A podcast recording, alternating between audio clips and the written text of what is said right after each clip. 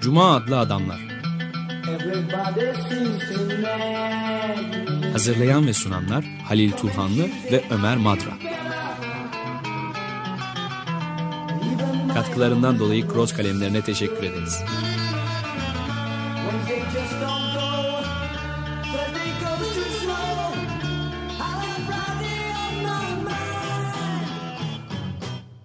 Merhaba Halil, hoş geldin. Teşekkürler. Ee, Bugünkü programın konusu e, ulus devlet konuşalım istersen. E, Devleti de- bir örgütlenme olarak e, çok pek çok konuda pek çok programda konu edindik. Ama do- programın tek konusu olmamıştı. Aslında bu da ulus devleti işleyeceğimiz birkaç programın başlangıcı olsun öyle dileyelim. E, Çıkış noktamız Anthony Giddens'ın bir kitabı. E, Çok daha başka kitaplar da var. İlk onunla başlayalım. Anthony Giddens'ın pek ben e, e, severek okuduğum bir toplum bilimci değildir. O da üçüncü yol teorisyeni olmasından Tony Blair'in e, Evet. politikalarını, yeni işçi partisinin politikalarını biçimlendirmesinden geliyor. Ama bu kitapta e, dediğim gibi konuda yazın, bu konuda yazılmış iyi kitaplardan bir tanesi. Çok daha radikal bakış açıları da var elbette. Onları da önümüzdeki programlarda e, çıkış noktası temel olarak alırız. E, ulus devlet modern Avrupa'nın içerisinde doğmuş bir siyasal örgütlenme biçimi ama aynı zamanda sosyal entegrasyon modeli. Bu ikincisi çok önemli çünkü zorlamaları oradan geliyor.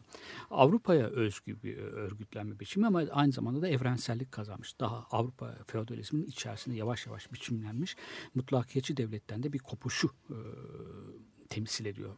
Mutlakiyetçi devletle arasındaki fark egemenliğin tek kişiye ait olmaması. Ama özellikle Marksist görüşü savunanların uzun süre savundukları bir görüş vardır ki çok fazla basite indirgemektir. Ulus devletin e, yönetici sınıfın e, ek- ekonomik yönden güçlü olan sınıfın doğrudan tahakküm aracı olduğu söylenir.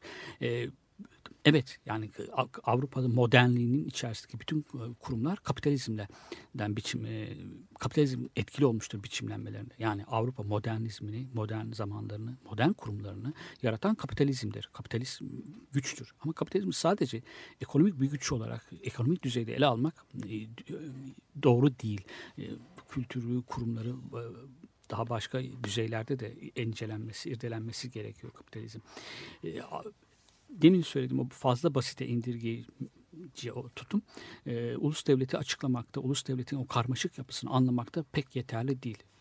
Ne, bir örnek vermek gerekirse yakın çok yakın içinde yaşadığımız e, coğrafyaya bakalım. Yani e, o ne kadar karmaşık olduğunu ge- gelişen olaylarla görebiliyoruz. Hükümet olmak, devlet olmak bunlar hepsi devleti idare etmek, devlete egemen olmak, devleti kurumlarını e, elinde tutabilmek aynı şeyler değil.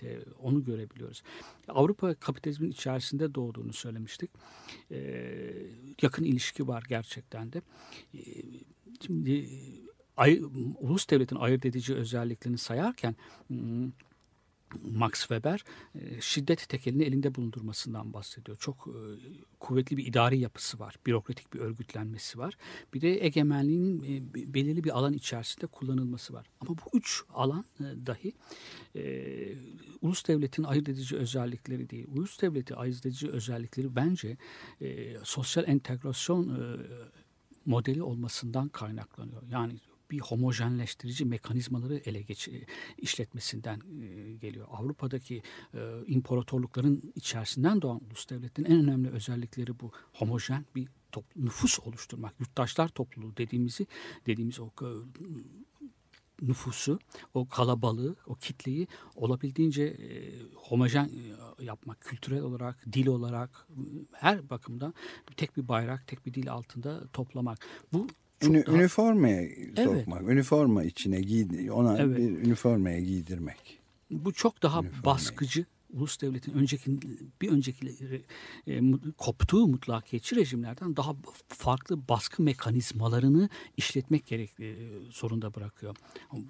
Var olabilmesi için, varlığını sürdürebilmesi için bu e, mekanizmaları işletmesi gerekiyor. Zaten devletin olduğu her yerde iktidardan söz ediyoruz. Yani kendini varlığını koruması e, ve sürdürmesi için e, iktidarın kullanması gerekiyor. İktidar e, ancak otorite kaynaklarına e, dayanarak işletilebilir. Otorite kaynakları istersen biraz daha kibar söyledim ben. E, tahakküm araçları, ideolojik aygıtlar ne dersek diyelim. Ama ulus devlet homojenleştirici olmasından dolayı senin de söylediğin gibi üniforma giydirebilmesi için çok daha farklı e, me, mekanizmalar işletiyor. E, şimdi e, tarihsel olarak da e, Hegel e, devletin birçok ahlaki e, kuruluştan, örgütlenme biçimlerinden, insanın yaratmış oldukları örgütlenme biçimlerinin nihai noktası olarak alır. Ahlaki bir örgütlenme biçimi olarak alır. Siyasi ama aynı zamanda örgütleri. Aileler bir araya gelerek devleti e, oluştururlar. Aynı benzer bir şekilde e, Durkheim'da e, yüksek sanayileşmenin, endüstrileşmeyle birlikte ulus devletin e, ortaya çıktığını söylüyor. Yani e, sanayileşme toplumda bir dayanışmayı gerekli kılmıştır organik dayanışma dediği bir dayanışmayı kılmıştır. Ve dayanışmaya insanlar arası dayanışmadan ötürü ulus devlette e, ahlaki bir örgütlenmedir diyor. Ama burada dikkat edilirse e, Durkheim meseleyi daha yani kapitalizmle, endüstrileşmeyle ulus devlet arasındaki ilişkiyi görebiliyor. Ama ikisi de ulus devletin şiddet kullandığını kabul etmiyorlar. Ayrıca tabii ki de de ahlaki bir örgütlenme biçimi değil ulus devlet. Ama Marx, siz düşüncede Marx da feodalizmi geride bıraktığı için, küçük prensliklerin yerine ulus devletler aldığı için onu daha e, e, üretim biçiminin gelişmesine tekabül ettiği, tekabül eden bir siyasi örgütlenme biçimi olduğu için ulus devleti hakikaten ileri bir aşama olarak görür. E, bunun bir, şöyle bir sakıncası var, şöyle bir sorunu var. O, o sosyalistler, kendini solcu olarak görenler Avrupa'da zaman zaman ulus devleti ileri bir aşama olarak savunmak zorunda kalmışlar almışlardır.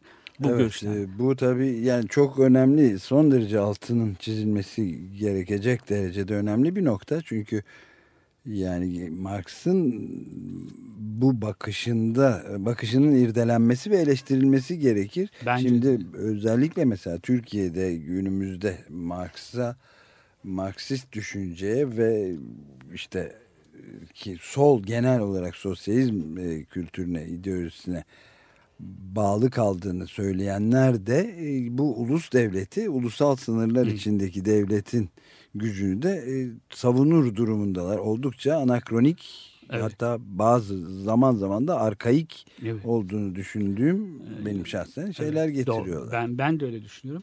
Marx'ın orada bir çelişkisi var. Yani işçi sınıfının vatanlığı yoktur e, diyorsun ama aynı zamanda ulus devleti de savunuyorsun. Bu Avrupa'da birinci ve iki, bir, özellikle birinci Dünya Savaşı 1914'te sosyal demokrat ki Marksist kökenli partilerdir. E, işçi sınıfıyla kuvvetli bağları vardır her şeye rağmen. E, işçi sınıfının neden e, devletler arası, ulus devletleri arasındaki Avrupa'daki savaşa destek vermesi, neden savaşa katılması, üniformalarını, e, işçi tulumlarını çıkarıp üniforma giymesi e, söylerken kullandıkları argümandır bu. Devleti, ulus devleti koruyorsun. Ama halbuki ulus devletin korunması e, konusunda işçi sınıfıyla burjuvazinin aynı düzeyde aynı yoğunlukta çıkarları yok. Ulus devletler e, yüzde yüz burjuvazinin e, tahakküm araçlarıdır demek de, başta söylediğim gibi yanlış. Yani her zaman o devleti sahip olamıyorlar. Her bütün kurumlarına sahip olamıyor. Başka bir boşluk var orada. Ama buna rağmen böyle bir savunma, böyle bir meşrulaştırma, böyle bir rasyonel leştirme gerçekten de sol düşüncenin evrenselci olan, kozmopolit olan sol düşüncenin e, özüne, doğasına da aykırı bir şey. Ama bunun kökleri Marx'taki o çelişkide e, bulunuyor. Bunu ilk ben e, Emmanuel Wallerstein'de evet, dikkati ben çekmişti. Öyle. Yani ben de, evet. Çok önemli bir nokta bu. Emmanuel Wallerstein'in ben de onu okumuştum. Şey de var yani mesela Birinci Dünya Savaşı'nda ulus devleti savunmak üzere sadece bir örnek olarak Hı -hı. vermek için işte Anadolu'ya Çanakkale Boğazı'na gelen Avustralyalı ve Yeni Zelandalı Anzak askerleri neyi savunuyorlardı orada ölür ve öldürürlerken? Yani bundan bunu bu sadece bize çok iyi bildiğimizi sandığımız bir örnek olduğu için evet, getiriyorum doğru, Çanakkale doğru. Hepsine yaymak mümkün. Yani Alman işçi sınıfı da niye şey? Evet yani Avustralyalı işçiler neden öldüler ve öldürüldüler? Hı hı. İşçi sınıfının üzerine savaş iki savaş arasındaki e, militer e, askerleri saldıran da şeyler yani gene e, kendi orduları kendi orduları eziyor onları. Bir de e, Burada Wallace Giddens'ın kitabı bu konudaki yazılmış en radikal kitaplardan, en radikal bakış açısını, en farklı bakış açısı getiren kitaplardan biri değil. Ama e, ulus devletlerin e, kendilerini iç pasifleştirme dedikleri, iç pasifleştirme olarak kavramlaştırdığı bir olgu var. Yani o homojenleştirme süreci içerisinde e, itaatkar bir nüfus, e, yurttaşlar topluluğu oluşturuyorlar. Bunun bu işleyen mekanizmalar her zaman şiddeti çıplak olarak göstermiyorlar. Yani e, yasaların varlığı, yargıç, yasa, polis bunun varlıkları dahi bir şiddettir. Yasa eğer şu kanuna uymazsan cezalandırırsın diyor. Burada bir tehdit de bir insanı tehdit etmekte de bir şiddet vardır. Ama şiddeti çok çıplak bir biçimde, gözle görülür, doğrudan dolaysız biçimde de kullanmışlardır. Polis ve askeri gücün birbirine ayırt edilmediği dönemlerde özellikle, kopmadığı dönemlerde ordu sadece bir ulus devletin bir başka ulus devletle savaşmasında değil, içte de e, ulus devletin e, tehlikeli sınıfları, tehlikeli unsurları bastırmada, onları etkisiz kılmada kullanılmıştır. Hala da kullanılmaktadır liberal devletler, şimdi ulus devletler, Avrupa'nın ulus devletleri liberal devletler olmuş olarak evrilmişlerdir. Çoğulculukla övülürler. Ama totaliterlik diyor e, Anthony Giddens ona katılıyorum. Belki de en e, üzerinde durulması gereken e, yeri orası.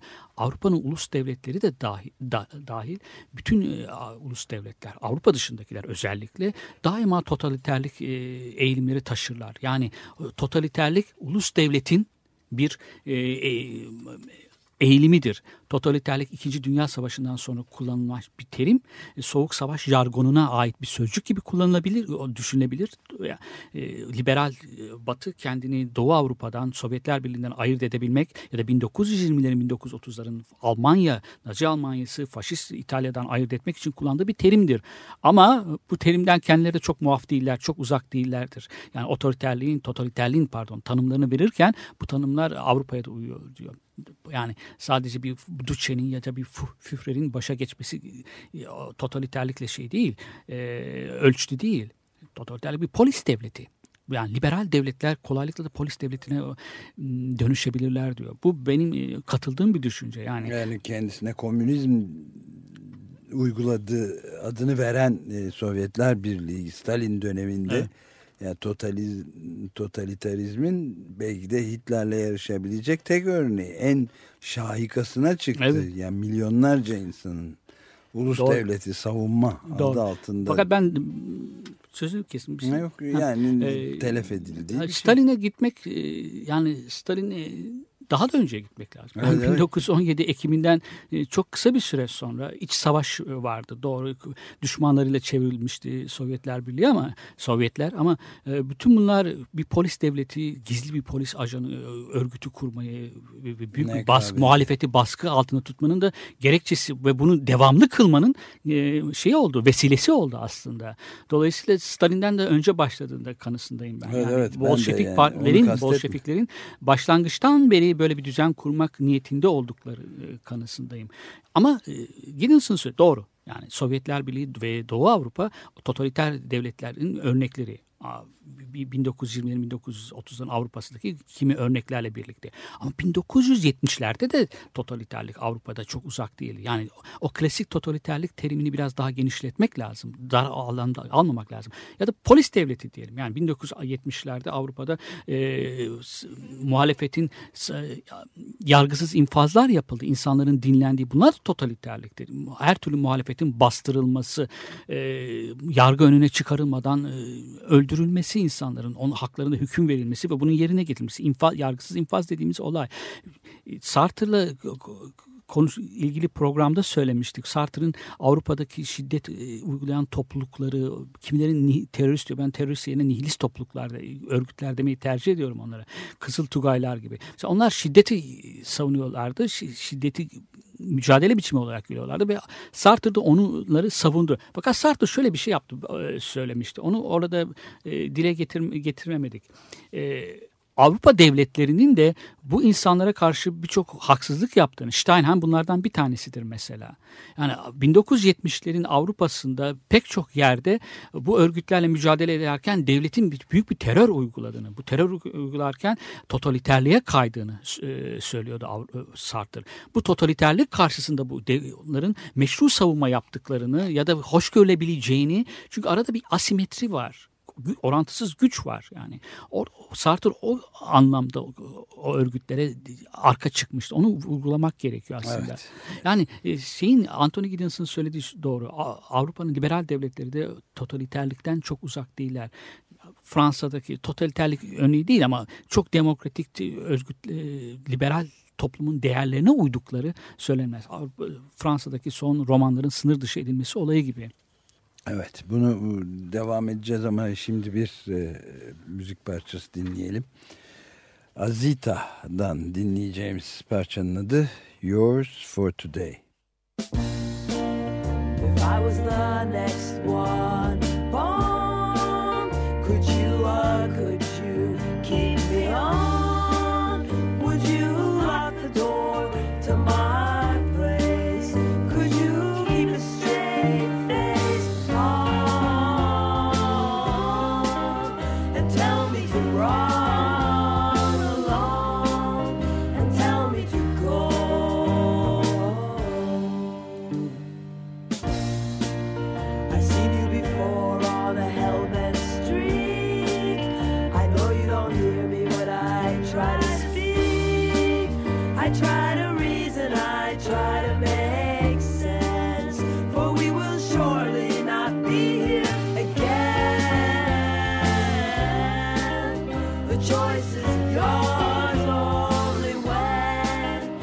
the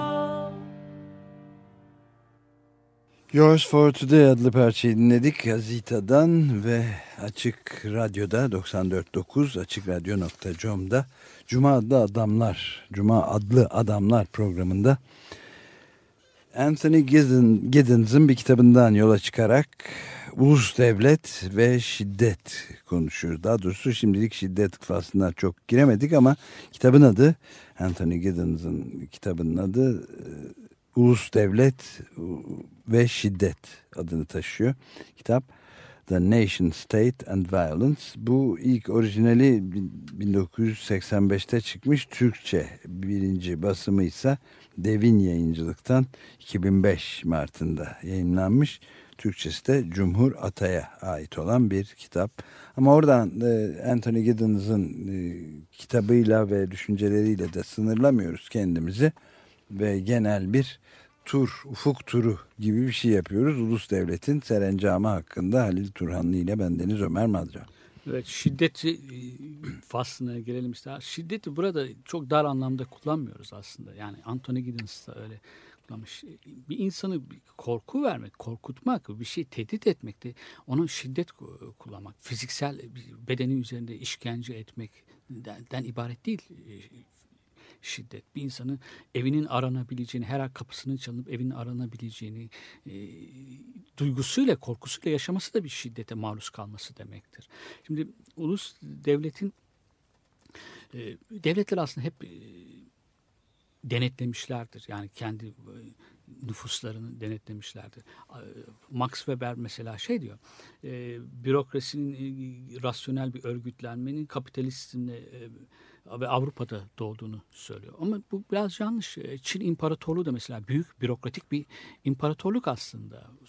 En az Avrupa'daki devletler kadar da rasyonel. Ama orada e, böyle çok bir felsefenin ötesinde de bir baskı da var aslında. Yani bürokrasinin örgütlenme, hiyerarşik bir örgütlenmenin olduğu her yerde bir tahakküm ilişkileri de vardır. Bürokratik imparatorluklar e, sadece Avrupa e, bürokratik bir örgütlenme, aynı zamanda rasyonel bir örgütlenme Avrupa'ya özgü değil. Şimdi devletin olduğu her yerde bir denetim vardır dedik. Yazıyla birlikte aslında yazı denetimin e, araçlarından bir tanesi. Yani kayda geçme, bilgi toplama, e, onları depolama ve yeri geldiğinde de kullana, kullanmak. E, ulus devletin geldiğinde 17. 18. yüzyılda, 19. yüzyıl Avrupa'sında ve yazının çok daha yaygın olarak kullanıldığı, arşivlerin yapıldığı, istatistiklerin de resmi istatistiklerin sistematik olarak bilginin toplanıldığı bir dönem. Günümüzde bu hayli hayli kolay. Çünkü elektronik olarak topluyorsun bilgileri, bilgisayarlara koyuyorsun, daha iyi depolayabiliyorsun ve onları e, bir kimsenin en mahrem, hayatın en e, yaşamın en mahrem alanlarına dahi nüfus edebiliyorsun. Bu yüzden bilgi toplamak e, daha kolay. Ama zaten o idari yapısının çok yüksek, ulus devletin özelliği şu diğer devletlerden farklı olarak modern devletin yüksek derecede bir disiplinli bir toplum. Diğerlerinden daha disiplinli. Bu da daha örgütlü olması, idari yapısının daha kuvvetli olması, tahakküm araçlarının, e, o, e, otorite kaynaklarının daha etkili biçimde kullanılması. Bunu bunu böyle bir kullanmak, böyle bir işleyiş, etkili işleyiş içinde olabildiğince fazla bir bilgi sahibi olmalısın kişiler hakkında. Ulus devlet bunları günümüzün devleti, modern devlet bunları hayli hayli e, başarıyor. Çok başarılı bu konuda. E, bunları kullanmak, resmi istatistikleri kullanmak aslında bir yerlerde senin hakkında pek çok bilgi bildiği olduğunu bilmek bile biraz bir ürkütücü bir şey. Yani benim hakkında ne kadar çok şey biliyor. Hatta tahmin etmediğin kadar çok şey biliyor. Birden çıkıveriyor onlar. Senin kendi kendi Unuttuğun hakkında bir şey çıkıyor. unuttuğun bilme hatta belki de bilmediğin bilgileri ama yani bu illa yanlış olması da gerekmez. Senin kendinin bile kendi hakkında bilmediğin bilgileri biliyor olabilir Evet. devlet. Evet. Hatta istatistikler yapılıyor. İşte askere almak için, vergilendirmek için istatistikler gerekli. E, Ne kadar kazancın var, şunlar. Hepsini biliyorlar. Hiçbir şey kaçıramıyorsun. Bir evin varsa ne kadar kira topluyorsun, şunları bunları. Bunlardan vazgeçtim. Bir de ahlaki istatistikler var. Boşandın mı? Evli misin? Bunları soruyorlar insana. Bir de e, sana sormadan araştırma yapıyor. İntihar, bir toplumdaki intihar oran, ola, ola- oranlarını, suç oranlarını, suça yatkınlığı olabilir, suç işleyebilir mi? Bütün bunları araştırıyor. Hangi aktivitelere katılıyorsun? Evet, bridge, mi, hepsini, bridge hepsini. mi oynuyorsun? iklim yürüyüşüne mi katılıyorsun? Her, Hepsini. her şeye yani 20 yıl önce bir yerde söylediğin bir toplantıda çıkıp söylediğin bir şey bir gün karşına çıkabiliyor. Sen ne söylediğini unutmuşsundur. Yani o toplantıda söylediğin düşünceler 20 yıl sonra saçma da bulabiliyor Evet, değişmiş de Evet. Ama on, onlar çok önemsemişler onu. Orada tutuyorlar onu. Hala tutuyorlar. Bir gün kullanmak amacıyla tutuyorlar. Ve karşına da çıkabiliyor. Pasaport alırken çıkıyor bilmem ne çıkıyor. Bir yerlerde bir iş başvurusunda bulunduğunda çıkıyor. Çıkıyor. Ama ulus devlet bunları gerçekten çok etkili olarak yapıyor. Özelliklerinden bir tanesi bu. Elzem homojenleştirmesi gerekiyor. Müthiş bir ayıklama sistemi var. Yani oraya uymayanları e, ayıklayacak. Ulus devletten önceki geleneksel devletler diyelim istersen modern devletin dışında diğer bütün ör- siyasi örgütlenme biçimlerini içeren içerecek biçimde kullanılır. Onlar da dereye destekliyorlar. İmparatorun ya da padişahın jurnalcileri, hafiyeleri var. Ama onların e, etki alanları şimdiki gibi Çok sınırlı, sınırlı tabii. elbette. Evet. Yani bu e, çok önemli bir e, başka bir yönüne götürüyor işi. Müsaade edersen Tabii. bir ufak parantez açmak istiyorum bu konuda. Şimdi ulus devlet deyince biz zaten özellikle bizim kuşağımız ve bi- bizim çocuklarımız filan başka hiçbir şey görmemiş bir kuşak. Evet. Yani ulus devleti o yüzden de yani biz doğduğumuzdan e, ölene kadar ulus devletten başka bir gerçeklik, uluslararası ve dünya gerçekliği tanımadık bu anlamda siyasi proje olarak. Oysa yani son derece yeni. İşte senin daha programın daha başlarında bir yerde söylediğin gibi yepyeni bir kavram. Evet. Yani Fransız devrimine Evet. filan Evet. denk geliyor. Dünkü çocuk yani insanlığın uzun tarihi içinde bir göz açıp kapayıncaya kadar kısa bir dönemin ürünü ama sanki algılamamız öyle ki ebediyen vardı. Yani Roma İmparatorluğu ondan önce Hititler bilmem ondan öncekiler. Tarihin içinden bilinmeyen bir geçmişten, insan belleğinin hatırlayamayacağı kadar uzak bir geçmişten gelen kökleri oraya dayanıyor ve sonsuza Ebedi- kadar da sürüyor. Evet öyle Ama bir algı ulus var. devletin ideolojisi propaganda aygıtları Evet. bunu zaten benimsetiyor. Yani bu her zaman e, kendini ideolojik olarak benimset, benimsetir. İlkokullardan başlayarak her sabah ettiğin ye- bağlılık yeminine kadar tut e, bir şehrin alanlarına, meydanlarına, sokaklarına dikilen heykellere ka- kadar her zaman hatırlatırsan kendisini. Yani ölümsüz ve sonsuz olduğunu hatırlatır. E, bengi böyle ebedi bir şey. Ezelden Hiçbir şeyine ebede. dokunulmaz. uzan. Ezel, ezeli ve ebedi devlet. Evet. Ulus devleti. Ulus devlet, cumhuriyet. Yani- Hatta Türkiye'de de şey de yapılıyor mesela işte ordunun kuruluşu bilmem Evet. e, Metehan'a kadar geri Evet. götürülüyor. Yani sanki ulus devlet varmış gibi bilmem kütüphane ilk kütüphanenin ya da ilk üniversitenin kuruluşta ta Fatih'e kadar geri götürülerek böyle Yani ulus devletle ilgili birçok mitler var. Hepsi doğru. Evet, mitos. Dilleri, evet, dilleri şuraya dayandığını da, e, dair. Pek çok şey var. Yani ulus devlet o mitlerin ben yalanlar dememek için, resmi yalanlar dememek için mitler diyorum. Evet topu topu da iyi. 1923'ten bu yana daha Evet. 100 yılı bile bulmamış Evet. Türkiye'deki şey. 90 yılı Ee, bulmamış yani. Yani onun de- değişmez olduğuna inandırmaya çalışıyor her şeyle. Yani bazı iktidarın otorite kaynaklarını kullanması gündeli her gün kullanır. Her gün. Her gün kendini ideolojik olarak hep e, yeniden üretmesi gerekiyor. Var olabilmesi için. Onun için çocuklara her gün yemin ettireceksin. Her gün haftanın okulun olduğu her gün derse başlamadan yemin ettireceksin. Marş ba- maçlarda yemin ettireceksin. Ulusal marşı söyleyeceksin. İşte e, cumartesi e, tatillere girerken bayrak indireceksin, bayrak çekeceksin, bayrak törenleri yapacaksın. Bütün bunlar e, e, ulus devletin e, sonsuza kadar yaşayacağı inancını yerleştirmek, pekiştirmek için. İnancını aslında bu yanılsama tabii ki. İnsan eliyle yapılmış bir kurum insanların olduğu ne kadar sağlam olursa olsun hiçbir kurum zamanın içerisinde aşınmaz değildir.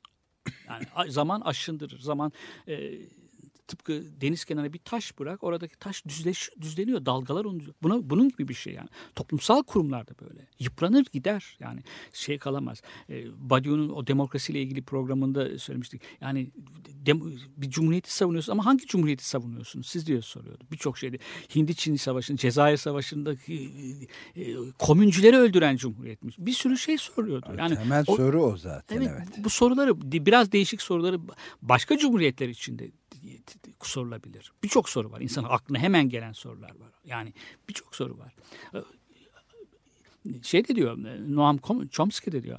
Evet biraz yani hala ulus devletlerden söz ediyoruz ama e, yakın bir tarihte kurulmuşlardı. Sonuna kadar yaşamayacaklar. Gidecek yani hepsi diyor. Bunda da şeyde üzülecek bir şey de yok bunda. E, bunu elde tutmaya yıkılmaz olduğunu yıkılmaması için elde tutmaya çalışmak a- abesle iştigal bir şey. Evet, Şimdi- ade- adeta bir din haline alıyor. Kült Evet. haline yani ulus devlet kültüne tapınıyor herkes insanlar. İşte Evet. Senin sözünü ettiğin Evet. o ritüellerle, Hı hı, bütün hı, o öyle. yeminlerle bayrak indirilen kaldırılan bayraklar maçlarda ve Evet. şurada burada e, bayram törenlerinde yapılan şeylerle o kült önünde secde ediliyor Evet. yani. Mesela Badiou'nun bizim Fransız aydınlarında bir cumhuriyet tapınması var diyor. Türk aydınlarında da. Yani, aynen öyle. e, şeyde de var. Bir cumhuriyet tapınması var. Ama tapınıyorsun aynı zamanda da laiklikten söz ediyorsun. Yani seküler, sekülerlikten söz ediyorsun. E, seküler bir toplumda hiçbir şey e, kutsal değildir. Hiçbir şey tapınmaya değmez. Hiçbir şey. Laiklik dedikleri şey de böyle bir Evet, şey olması evet. gerek. Sadece dinle ilgili Evet. bir şey değil ki bir bütün Dini Din- bırak bu diğer başka kurumlara e, bütün şey- kurumlarla ilgili yücelt, bir onları şey. evet. kutsallaştır. Şimdi Durkheim'ın e, ulus devletlerle ilgili olarak kapitalizmle bağlantısını e, vurguladığını, iyi tespit ettiğini söylemiştik. Orada bir, şey daha söylüyor aslında. Karl Polanyi'nin söylediklerine de benziyor. Savaş ihtimali ulus devletler arasında azalmıştır diyor. Yani çünkü ek, karşılıklı olarak e, birbirlerini e, gelişmeleri gelişmeleri gerekiyordu. Bu nedenle de birbirleriyle savaşmadılar. İyi güzel bir Karl Polanyi ama 1815'ten A- Avrupa'da Napolyon'un artık başarısız olmasından 1914'e kadar e, doğru bir, görece bir barış dönemi olduğunu söylüyor. Ama çıkarları bunu savundukları için e, barış birbirleriyle savaşmıyorlar. Avrupa dışı toprakları işgal ediyorlardı. Paylaşıyorlar zaten. Savaşta oradan paylaşmadan doğuyor ve Avrupa topraklarına kadar kaçınılmaz olarak sıçrıyor. Birbirlerine birbirlerine giriyorlar. Ama bu zaman içerisinde barış dedikleri zaman içerisinde uzun zaman uzun barış dönemi dedikleri içerisinde ordularını bütün tek gelişen teknolojilerini silahları modern silahlar yapmaya şey yapıyorlar. İnsanlar silah yapmayı süs olarak evine as- asmak için kullanmazsın şu ya da bu gelecekte yakın ya da orta vadeli bir gelecekte kullanmayı düşünüyorsundur onları herhalde. Silah, silah teknolojisi gelişmiş. Avrupa'nın geri kalan kısmı üzerinde askeri güç kullanıyor, kullanıyorlar. Sömürgeleştiriyorlar onları. Üstelik Avrupa'daki demir yollarının yapımı da e, çok güzel bir şey orada Anthony Guinness dikkat çekmiş. E, Prusya'daki demir yollarının yapılması Osmanlı İmparatorluğu'yla da e, işbirliği yapıyorlar galiba Hicaz demir yolu. Bağdat. Ha, Bağdat. Demir- Ama Avrupa'daki dedi. Bırak uz- çok uzağa gitmeyelim. E, Avrupa'da kendi ülkesinde yapı, yaparken Prusya İmparatorluğu'nun sınırları içerisinde e, hangi demiryolunun öncelik yapılacağını, hangi bölgelerde döşeneceğini e, askerler, ge- genelkurmay, e, askerler, ordu karar veriyor. Evet asker yani savaş odasında Evet, oradan- buna karar veriyorlar. Çünkü e, bir savaş olabilir ve kuvvetleri, topları, tüfekleri savaş Sevkiyat. yerine e, sevk etmek için. Aynı zamanda orada e, Yahudileri de toplama kamplarına götürmek için. Onu belki de 1910 Prusya İmparatorluğu zamanında öngörmediler. Ama vardı herhalde. Büyük bir ihtimalle vardı. Akılların bir Evet, yerlerinden sıfırdan geçiliyordu çıkmış yani. olamaz sadece Evet Hitler'le. o barış döneminde de ulus devletler hep silahlanmışlar. Yani ulus devlet şiddetle birlikte şiddeti kullanmaktan hiçbir zaman vazgeçmemiş. Çünkü varlığının içte Temeli bu. Ve şimdiki zaten e, bir ara ver- vermeden önce bir de şunu da söyleyelim belki şimdiki durum daha da şeddeli bir şekilde Evet. böyle yani e, en yüksek oranda milletin e, ulus, ulus devletlerin ticari savaş ticareti yaptıkları Evet. İşte sadece Orta Doğu ülkelerine e, bilmem at- 67 milyar dolarlık Suudi Arabistan'a silah ticareti e, emirliklere de ayrıca işte 27 bilmem vesaire silah sattıkları bir dönemden geçiyoruz. Evet doğru. Yani on- ondan sonra da barış görüşmeleri yapıyor. Evet. Dünya barışı nasıl korunur diye görüşme. Bu korkunç bir Gülünç şey. bile değil Ee, yani. Yani ah- ahlakla konuşmayı tutuculuk olarak görüyorlar. Ben öyle görmüyorum. Büyük bir ahlaksızlık var söz konusu olan burada. Aynen öyle. Peki bir ara verelim şimdi ve bir parça daha dinleyelim. Peter Blackwood'dan dinleyeceğiz Special Delivery.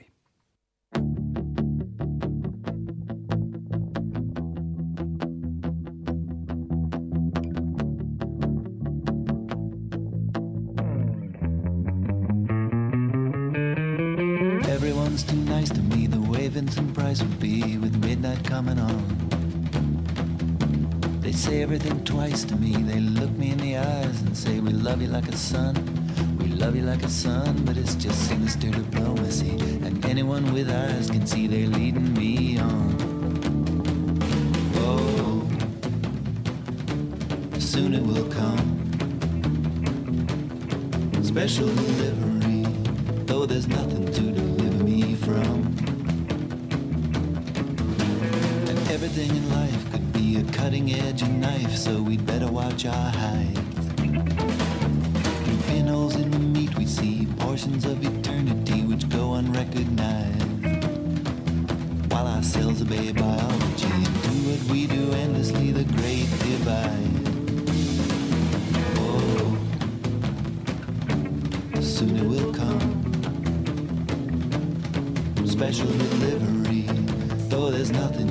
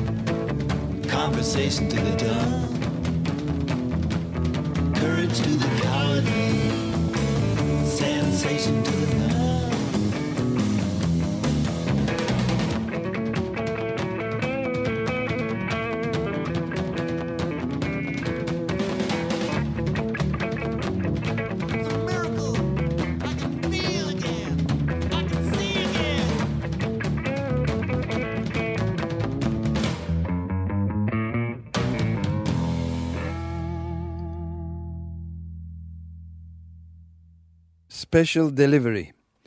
Peter Blackwood'dan dinledik. Cuma adlı Adamlar programındasınız. Açık Radyo 94.9 ve aynı zamanda da açıkradyo.com'dan da yayın yapmakta oluyor. İnternet üzerinden de yapmakta. Ve orada ulus devlet ve şiddet konusunu e, konuşuyoruz Halil Turhanlı ile birlikte. Elimizde de bugünkü programda bulunan kitap e, örnek kitaplardan biri bu tabii. Yani konu çok son derece geniş ve karmaşık bir konunun üzerinde yazılmış ilginç kitaplardan biri Devin yayınlarından e, çıkmış. Anthony Giddens'ın Ulus Devlet ve Şiddet kitabı Cumhur Atay'ın Türkçesiyle. Evet. Ee, Avrupa'da 1815'te 1914'e kadar bir göreceli bir barış dönemi olduğunu söylemiştik. Bunu Karl Polanyi tespit ediyor. Evet. Ee, Napolyon savaş Napolyon Avrupa'da büyük bir imparatorluk kurmak istiyordu. Avrupa'nın süper devleti. Ama Avrupa hep bölünmüş zaten. Yani ulus devleti ortaya çıkmadan önce de e, mutlakiyetçi Avrupa'da da küçük küçük prenslikler var. Ama ulus devletler Avrupa'yı çok da katı bir biçimde e, bölüyorlar. E, bu Napolyon'un e, başarısızlığından sonra aslında e, şimdi ona da tes- değinmek gerekir. O kurmak istediği büyük imparatorluğu bugün aslında Fransa'da başta olmak üzere pek Avrupa'daki yeni sağın e, savunduğu görüşler. Fransa e, ağırlıklı olarak genç Avrupa, yeni Avrupa düşüncesi var mesela. Birleşik Avrupa. Ama öyle bir Avrupa ki bu Avrupa'nın dışındaki göçmenleri falan e, oraya sokmamaya çalışan. Sokmuyor, Romanları, dışarıda bırakıyor. göçmenleri. evet. Hatta girenleri de atmayı Evet, içeriyor yani. yer vermiyor. Ve Avrupa aşırı sağının, radikal sağının da düşleri öyle bir ideali var. Burada demin de söyledik e, Peter Blackwell'i dinlemeden önce. E, devletler barış yapar yapmışlar ama hep de silahlanmışlar. Bir günde savaşabileceklerini e, düşünmüşler. Şimdi Avrupa'da devletlerden, ulus devletlerden vazgeçmedikçe bu sistem korunduğu müddetçe e, barışın mümkün olması, barış mümkün olamaz o tarihlerde. Yani Milletler Cemiyeti bu bakımdan Avrupa'daki devletlerin, ulus devletlerin bütün egemenlik haklarını savunuyorsun. Olduğu gibi koruyorsun. Hatta pekiştiriyorsun. Daha yeni devletlerin, sosyalist Yalta ile birlikte anlaşmasıyla birlikte sosyalist devletleri de bunların içine dahil ediyorsun. Ve barış e, kurmaya çalışıyorsun. Bunu herhalde imzalayanlar da çok mümkün olmadığını görüyorlardı. Çünkü ona adını güç dengesi diyorlar senin benden çok çok daha iyi bildiğin bir konu. Ee, realist po- politika uluslararası ilişkilerde. Evet, real politik. Ha, real politika. Ee, ona göre e, güç dengesi kurmak demek e, her an savaşabilecek e, güçleri bir dengede o savaşı, çatışmayı ertelemek, olabildiğince ertelemek demek. Ama aynı zamanda çatışmanın da kaçınılmaz olduğunu zımni olarak kabul etmek Kabul demektir. elbette öyle. Yani bütün o Yalta Potsdam konferanslarında filan Evet. İkinci Dünya Savaşı'nı Evet. sonlandırmaya yarayan antlaşmaların ve konferansların hepsinin altında böyle Evet. bir potansiyel ileride savaşı bileceğine dair de bir anlayış var tabii. Evet. Yani Milletler Cemiyeti'ni kurarken de bir ikinci savaşın geleceğini biliyorlardı. Ee, ama daha sonraki savaş, İkinci Dünya Savaşı'ndan sonra Yalta ile birlikte e, bir soğuk savaş başlıyor zaten. Gergin bir dönem başlıyor ama orada bir güç dengesi kuruyorlar. Yani ulus devletlerin tanıdığı müddetçe uluslararası ilişkilerin baş aktörleri olarak ortada oldukları müddetçe çatışmanın açık çatışmaların, çatışma olmazsa gergin, uluslararası gerginliklerin e, varlığını koruması, sürdürmesi e, kaçınılmaz e, oluyor.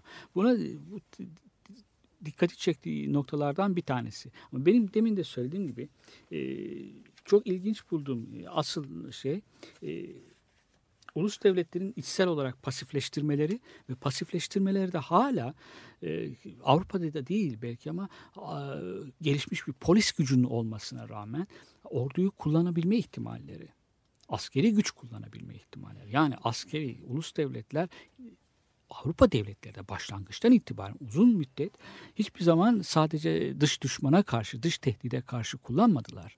İçte de e, askeri gücü e, kullandılar. Polisle askerin ayrışmasından sonra dahi kullandılar. Ama bugün de dünyanın pek çok yerinde ki ulus devlet programın hemen başında söyledik.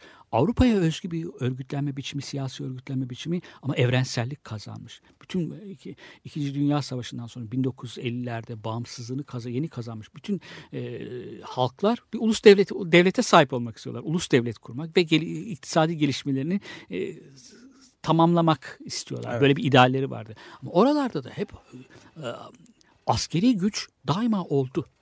Yani asker, bağımsızlık so- sonrasında da e, oradaki yönetimler, yüksek o idari yapının içerisinde askerler e, he- her zaman ordu söz sahibi oldu. Avrupa'nın dışındaki bu çok yakın bir tarih aslında. Yani ikinci e, geçen yüzyılın ikinci yarısından bahsediyoruz. 1950'lerde hatta 1960'larda hatta 1970'lerde de Portekiz'in e, sömürgelerini kaybetmesinden sonra e, üçüncü dü- dünya ülkeleri dediğimiz pek çok ülkede kurulan e, yeni devletler e, orada da askeri güç daima oldu. Avrupa'da başlangıçtan itibaren Avrupa için geride kalmış bir şey. Avrupa liberal devletlere dönüşmüş bir vakitte. Otoriter, totaliter bir devlet e, eğilimler gösterebilir. Bir polis devleti olduğu dönemler olabilmiştir. Orada bir ordunun artık yok. Ama ulus devletin sadece Avrupa ile sınırlı değil. e, Avrupa dışındaki yerlerde de hala e, ordunun siyasi hayata müdahalesi söz konusu olabiliyor. Ulus devlet buna ihtiyaç duymuştur. Dün de duymuştur. Avrupa dışı toplumlarda da bugün de kendini pekiştirmek için iktidarını, kendini yeniden üretebilmek için buna ihtiyaç duyar diyor. Yani askeri güçle ulus devleti arasındaki o bağı vurguluyor. Ya burada önemli bir başka nokta daha var. Bir küçük bir parantez daha açmama izin verirsen. Yani şöyle bir şey var. Ee, bu yeni tip liderler türemeye başladı. İşte Berlusconi, Putin. Ee, bu ulus devlet işte demokrasi içinde ama ulus devletin bayağı otoriter. Evet. Bunların arasına e, şeyi de katabiliriz. Yani Erdoğan'ın da tek karar alma kendi partisi içinde de ve hükümet içinde de onun kendisinden başka fazla kimsenin karar alır gibi görünmediği durumlar var. Ve Evet. Bu da bir ciddi tehlikede yaratıyor denebilir herhalde. O tehlikeyi ben farkındayım. Muhtemelen sen de söylediğine göre sen de farkındasın. Yani bizim ya da bize yakın düşünen pek çok kişi de farkındalar. Doğru. Ee, Ama bu tehlike sadece e, Tayyip Erdoğan'la bu- bugünkü başbakanla ilgili değil. Bence rahmetli Özal'ın da böyle bir eğilimi var. Evet vardı tabii. Yani Çok onun da bir doğru. başkanlık rejimine gitme şeyi vardı. Bir yandan da demokrat gibi görünüyordu. Yani onu onu e, siyaset böyle bir şey zaten. Bakışı bakabilmek ve olumlu ya da olumsuz yönlerini görebilmek, topyekun mahkum etmeden görebilmek, e, iyi yönlerini çok fazla abartmadan ama kötü yönlerini de tabii görebilmek. Yani iyi yaptığı olumlu birkaç adımın bu senin söylediğin o tehditleri muhtemel tehlikeleri görmemesi de engel olmaması lazım. Öyle var. Ya Avrupa'da da var. Sadece Türkiye ile ilgili sınırlı değil. Avrupa'da da var. Batı dışı toplumlarda çok daha fazla var yani şeyde. E, ama demokrasi böyle bir şey. Yani hep mücadele edeceksin. Evet, yani aynen öyle. tehlikelere karşı mücadele. Yani, Yani, şeyde çok daha zor tabii. Yani adı demokrasi olmakla beraber hiç alakası olmayan Rusya ya da e, adı bile o, olmayan Çin gibi ülkelerde çok daha zor bu eğilimlerle mücadele etmek şüphesiz evet ki yani. tabii. Yani Evet. e, ama demokrasi geleneği daha kuvvetli olan Avrupa'da bugün liberal e, demokrasi Avrupa'nın liberal demokrasileri de e, polis yöntemleri kullanıyorlar. Yani e, demokrasiyle bağdaşmayan birçok önlemler alıyorlar. Kendi nüfuslarının dışındaki azınlıklara, göçmenlere karşı kullanıyorlar. Yani onlar da her şey e, o liberal devletse e, her şey e, dört dörtlük mükemmel değil. Yani onları da görebilmek lazım. Ya şunu e, kabul etmeli, edilmeli. Ulus devletleri daima az ya da çok yoğun ya da daha düşük yoğunluklu olarak daima bir tahakküm mekanizmaları işliyor. Şiddet mekanizmaları. Toplumun derinliklerine nüfus etmiş bir şey var. Çünkü devlet, devletin doğası gereği normatif bir şeydir. e, Zorlama vardır. Yani kurallara uymaya zorlar seni. Kurallar istikrarlı, sistemli ve sürekli bir denetim kurar. Kendi varlığını koruyabilmek için, kendisini yeniden üretebilmek için, var olabilmek için korur. Bağımlılık ilişkisi tesis eder. Yani yurttaşlarıyla kendisini çok, en çok bağımlı olanları makbul yurttaş say- sayar. Onları ay- ayıklar içerisinden yurttaşlarını.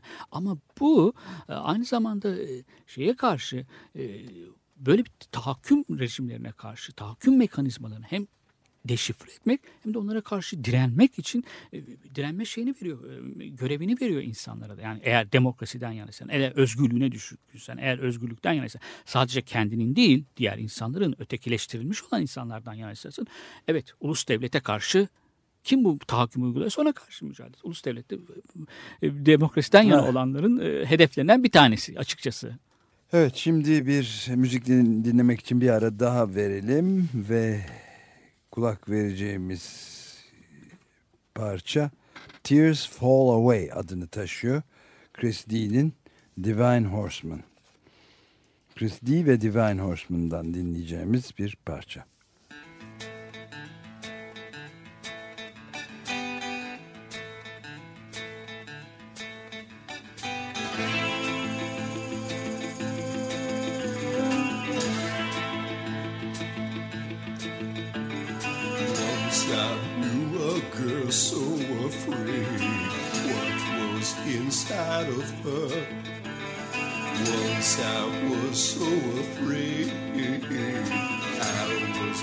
Like that girl. Until I gave up the ghost that became me. Until I gave up the ghost. Forever being town haunting me. And my fear fell away. And my tears fall away. And my cares are swept away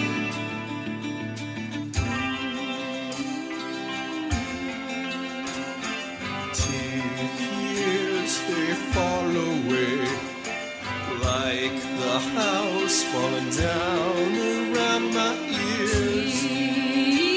They fall away like the rain falling down on my face. They fall away like the house falling down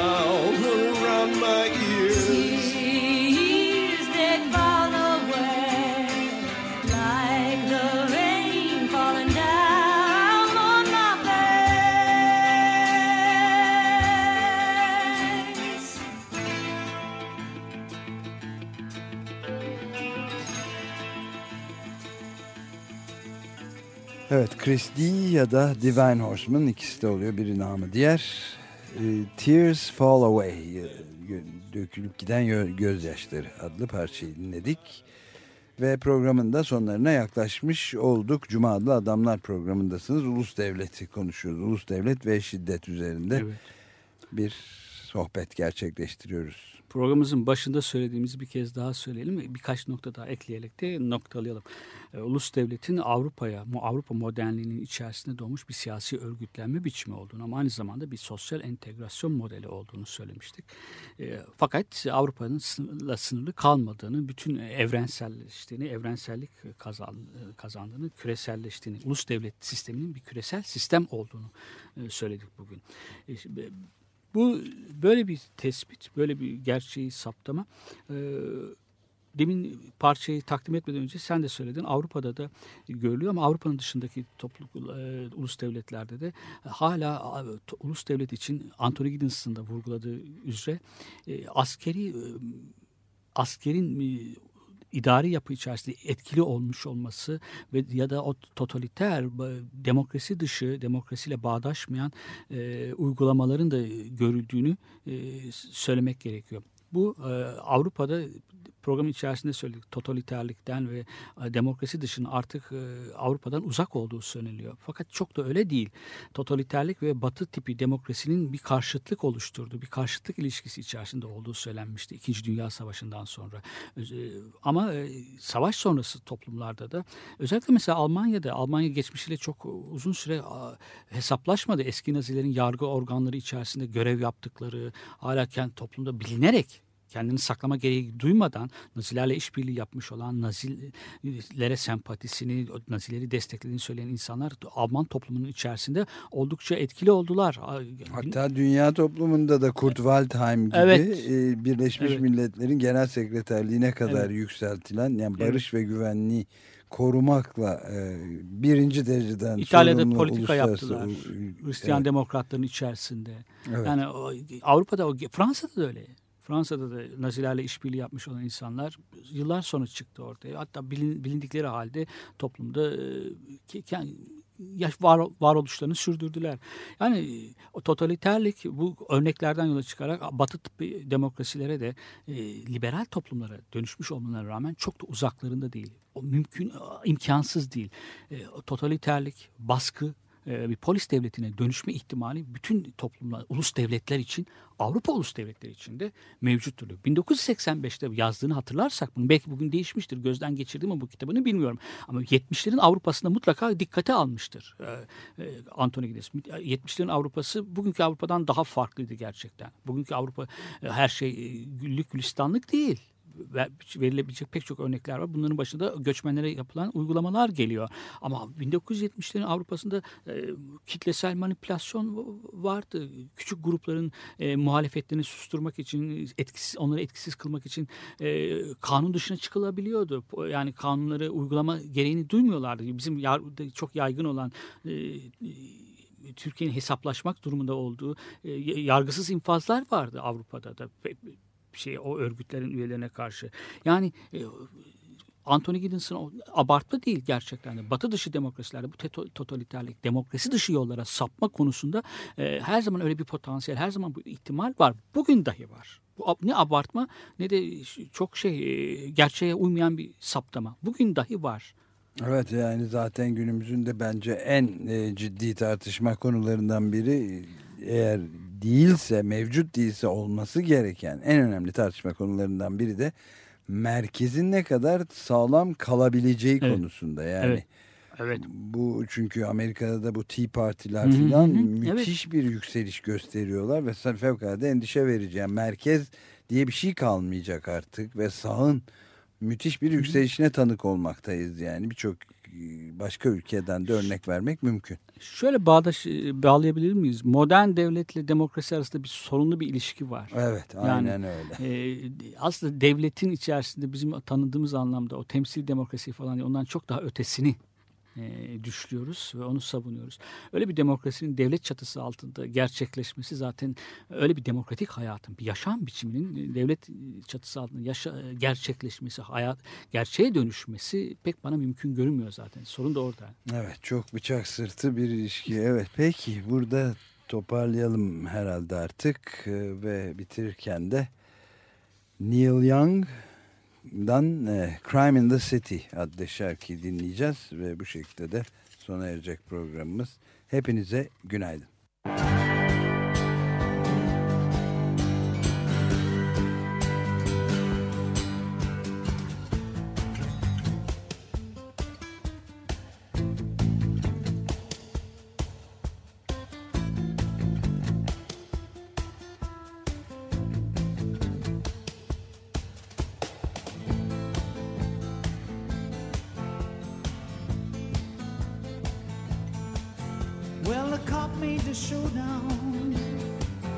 Was sure he was right. He had all of the lowdown from the bank heist last night.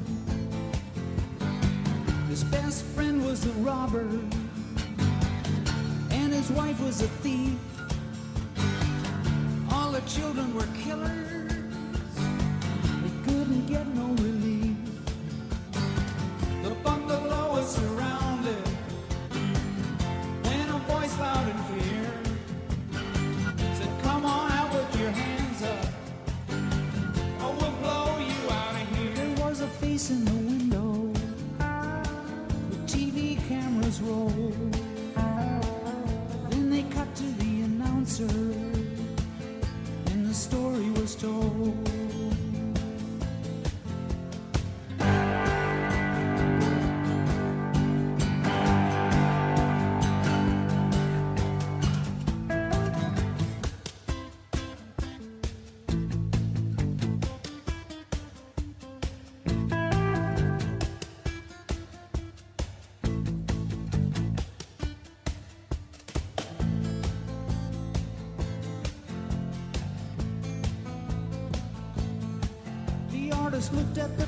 Producer. The producer sat back. He said, What we have got here is a perfect track.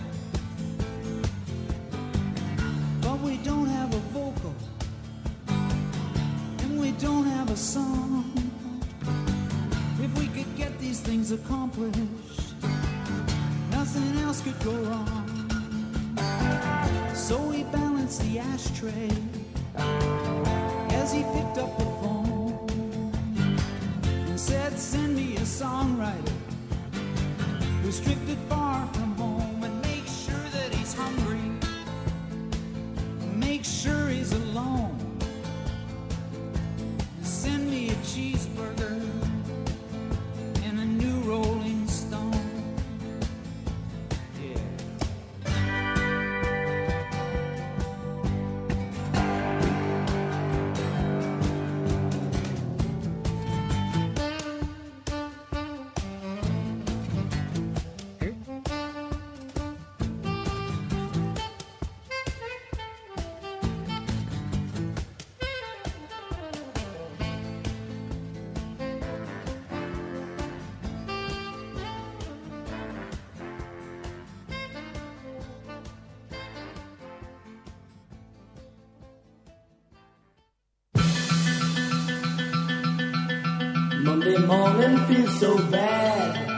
Cuma adlı adamlar.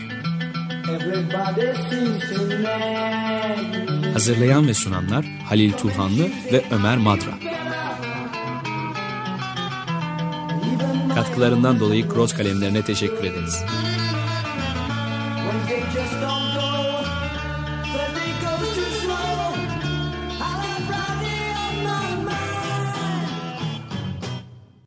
Açık Radyo program destekçisi olun.